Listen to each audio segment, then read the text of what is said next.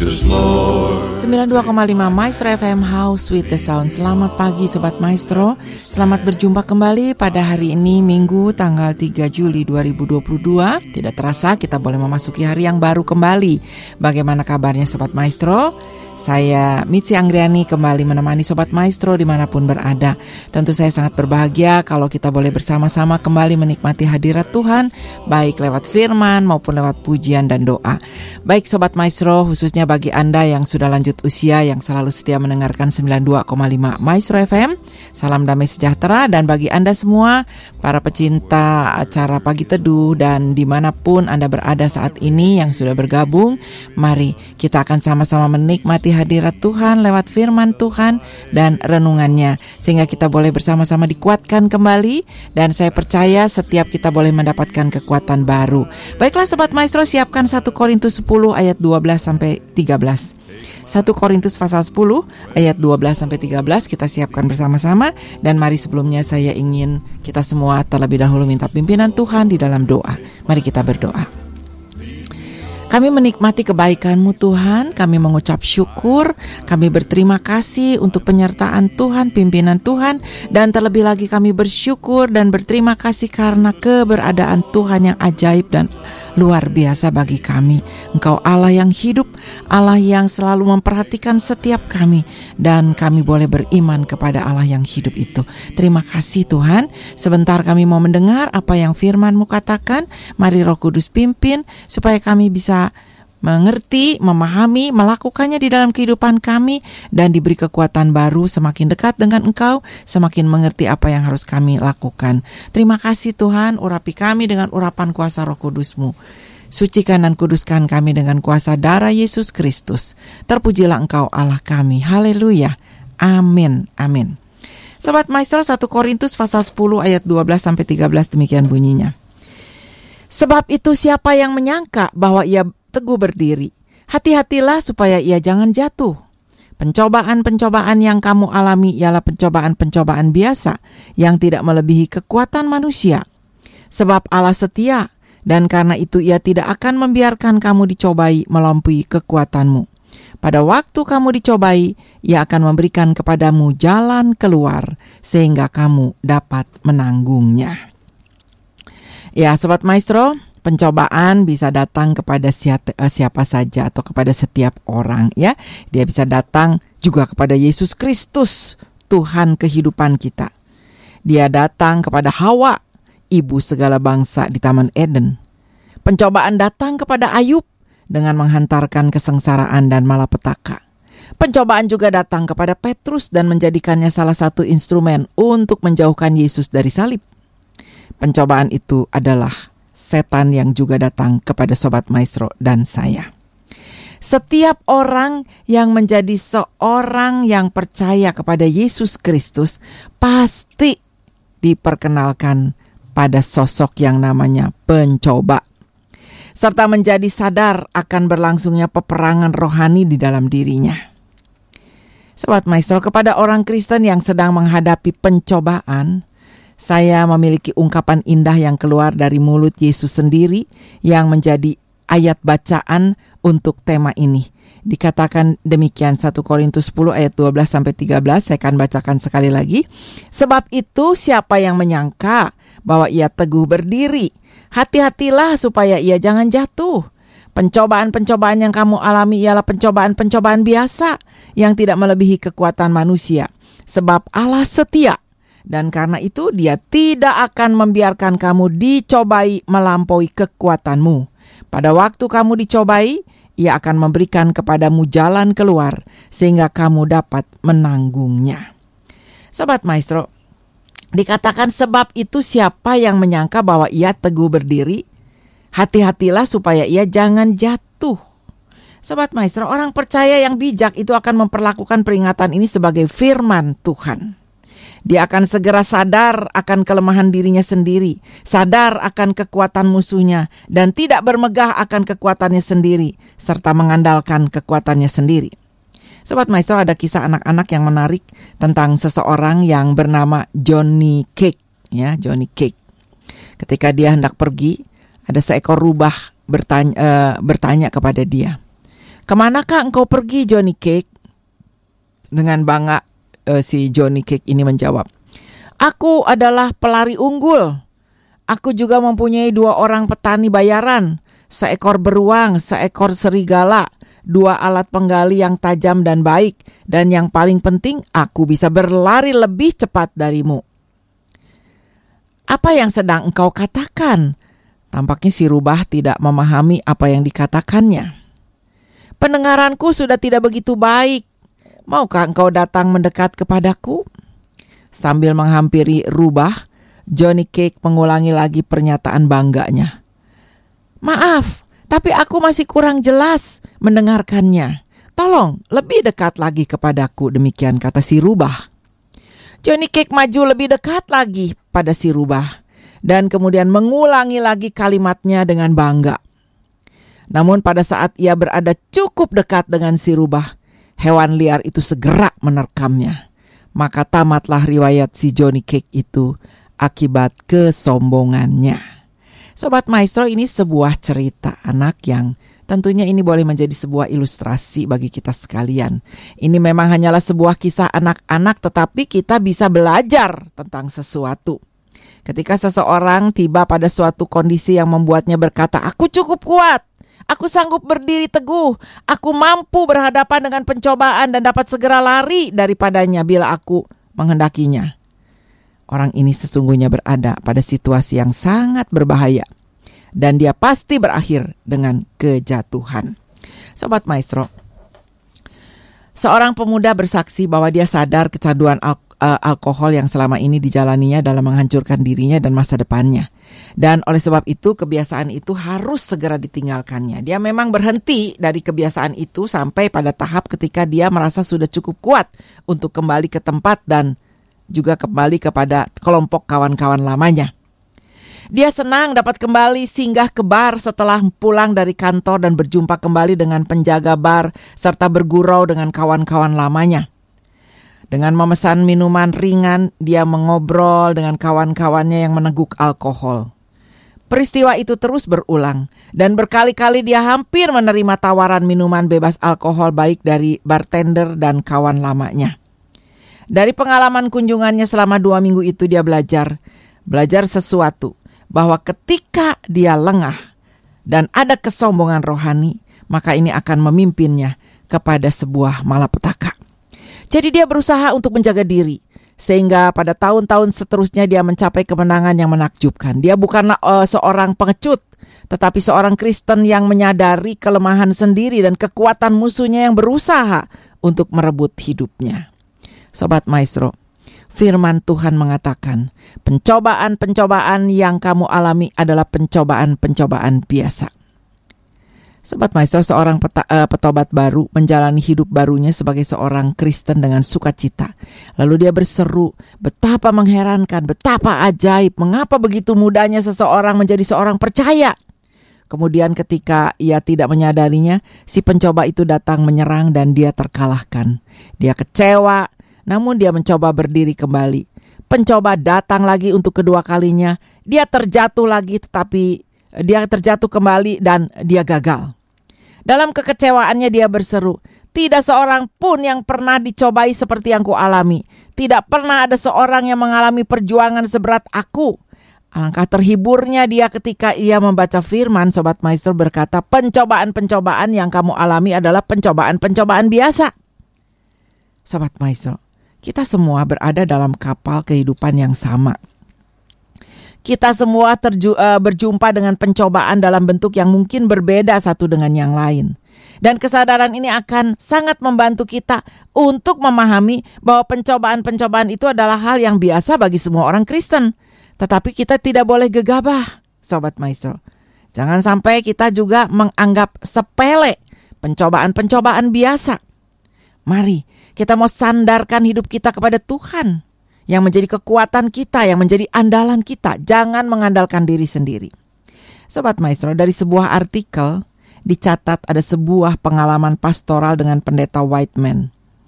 Gerejanya mempunyai sebuah pemancar radio yang melayani para pendengarnya setiap minggu malam. Mungkin seperti Radio Maestro gini ya, Sobat Maestro yang sering memberitakan kabar baik, firman Tuhan, renungan, dan lain sebagainya.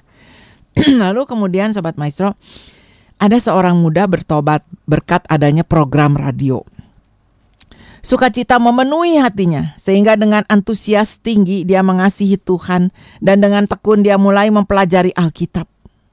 Beberapa bulan kemudian, pencoba itu datang memberitahukan dia bahwa tidak ada satupun yang dilakukannya itu bermanfaat. Dia digugat oleh pencoba yang terus mempengaruhinya dengan berkata bahwa dirinya sudah berbuat dosa yang tidak terampunkan dan hari anugerah telah meninggalkannya. Sehingga tidak ada lagi harapan bagi dia dalam kekekalan. Itulah bisikan-bisikan pencobaan yang mau menjatuhkan. Lalu dengan penuh kebingungan, dia menemui pendeta Whiteman. Kepadanya, Whiteman memperlihatkan buku karangan John Bunyan dengan judul Grace Abounding, yang merupakan gambaran pengalaman hidup Bunyan. Kita pernah, Sobat Maestro, menempuh perjalanan yang penuh ketakutan dan rasa ragu dalam hal mengiring Tuhan, bukan? Betapa besar penghiburan dan dorongan yang didapati anak muda itu Sobat Maestro sehingga dia juga menyadari bahwa bukan hanya ia sajalah yang menghadapi pencobaan. Ketika dia diceritakan, ketika diperlihatkan buku karangan John Bunyan itu, dia bangkit Sobat Maestro. Dia tahu bahwa bukan hanya dia yang dituduh-tuduh oleh si iblis, bukan hanya dia yang masuk dalam pencobaan yang biasa-biasa saja membuat dia mau mundur. Sobat Maestro, Demikian juga dengan kita. Kalau kita merasa bahwa pencobaan yang kita alami saat ini berbeda dan lebih berat daripada orang lain. Kalau kita mengira bahwa kita berjalan sendiri dalam menghadapi pencobaan, dan manakala kita berpikir bahwa tidak pernah ada orang lain yang mengalami hal yang seperti kita alami, kita merasa begitu berat. Sobat Maestro, yakinlah akan perkataan sesungguhnya Anda tidak sendiri. Orang-orang Kristen lainnya juga sedang mencoba bertahan pada ujian serta pencobaan yang sama. Pencobaan-pencobaan yang kita alami adalah pencobaan-pencobaan biasa. Sobat Maestro, Allah setia.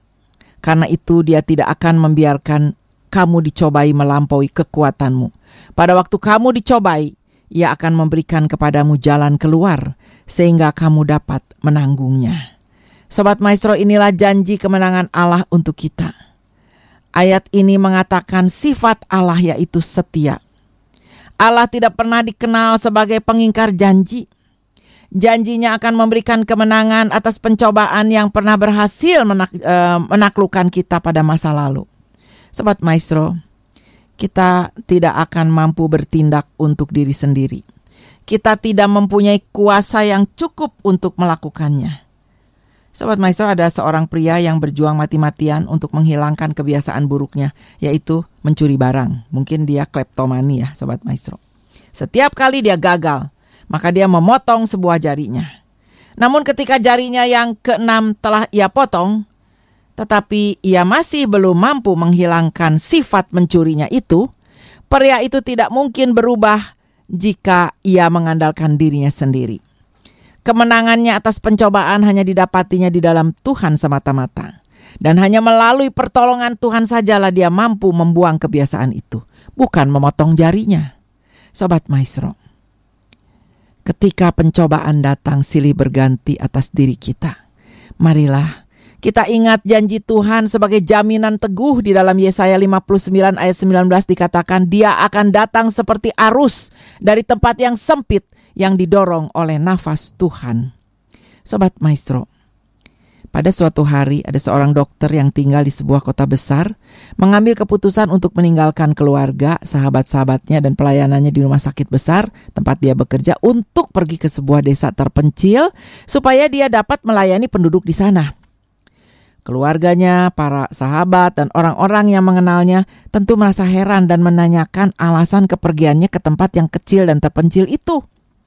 Ternyata hanya ia sendiri dan pendetanya yang mengetahui rahasia ini.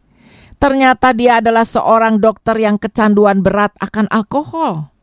Dan sebagai seorang dokter dia tahu dengan jelas bahwa bahwa alkohol itu akan menghancurkan seluruh hidup pribadi dan keluarganya serta orang lain yang berada di dalam proses pengobatannya. Lalu dengan tekad bulat sobat maestro, dia rela meninggalkan semua yang ada di kota besar itu.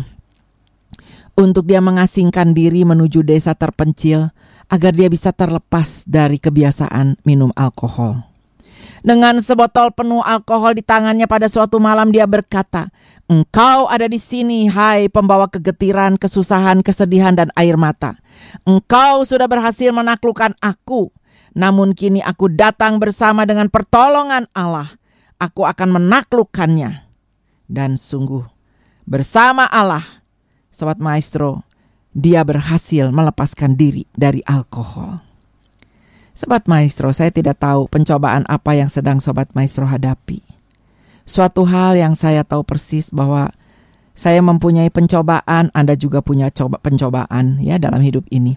Saya nggak tahu seberapa besar uh, pencobaan bisa ditaklukkan oleh pencobaan-pencobaan itu ya. Seberapa besar sobat maestro dan seberapa banyak uh, kita melakukan atau menaklukkan pencobaan-pencobaan itu. Tapi saya tahu bersama dengan Tuhan kita pasti mampu melakukannya. Sobat maestro pada suatu hari ada seorang anak laki-laki melihat sebuah tangga yang bersandar pada konstruksi bangunan yang tinggi. Rupanya uh, si anak laki-laki yang masih kecil ini ya penasaran ya penasaran anak ini sudah mendorongnya untuk naik ke tangga itu. Semakin dia naik ya semakin merasa senang. Ada seorang tetangga melihat dia menaiki tangga. Lalu tetangga itu berseru hei anak turunlah! Ayo turun turun segera! Ini sangat berbahaya buat kamu lalu si anak memandang ke bawah pada saat itulah si anak ini baru menyadari bahwa dia sudah ada pada posisi yang tinggi sekali di atas tangga. Lalu dia menjadi sangat takut dan mulai gemetar. Tapi ada seorang pekerja bangunan yang ada di puncak bangunan itu mendengar suara panik dari anak itu. Lalu dengan tenang, si tukang bangunan itu berkata kepadanya, "Nak, engkau mampu melakukannya. Ayo naiklah, naik terus. Jangan melihat ke bawah. Naiklah terus sampai engkau dapat menggapai tanganku. Jangan panik. Ayo, jangan takut. Engkau mampu untuk naik. Ayo nak, naiklah, naiklah. Sobat Maestro, atas dorongan semangat pekerja bangunan yang ada di atas bangunan itu. Anak laki-laki yang sedang ketakutan, dia berusaha terus naik dan selamat sampai ke puncak bangunan setelah menggapai tangan si pekerja bangunan di atas sana. Sobat Maestro, beginilah penyertaan Tuhan kepada Sobat Maestro dan saya. Mata Tuhan selalu mengawasi kita. Dia terus-menerus berkata, "Ayo, teruslah melangkah, teruslah melangkah seperti pada awal engkau melangkah. Aku akan selalu bertemu dengan engkau setiap dalam setiap langkah jalanmu." Sobat Maestro, setiap kita mungkin hampir berhenti untuk melangkah karena kita takut akan pencobaan-pencobaan yang masih ada di menghadang di depan kita. Tetapi Tuhan berkata, ayo terus maju bersama dengan aku. Tuhan akan menolong kita. Memang Sobat Maestro kita tidak akan pernah bisa sendiri. Karena kita memang tidak bisa sendiri. Tapi Tuhan beserta dengan kita. Bila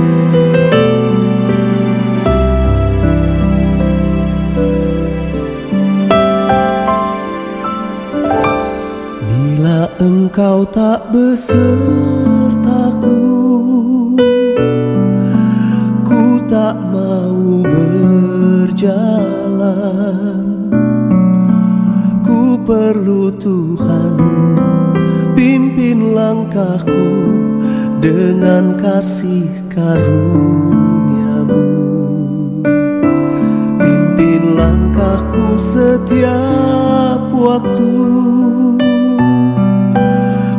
Berjalan dalam rohmu. Nyatakan Tuhan kemuliaanmu dan berjalanlah denganku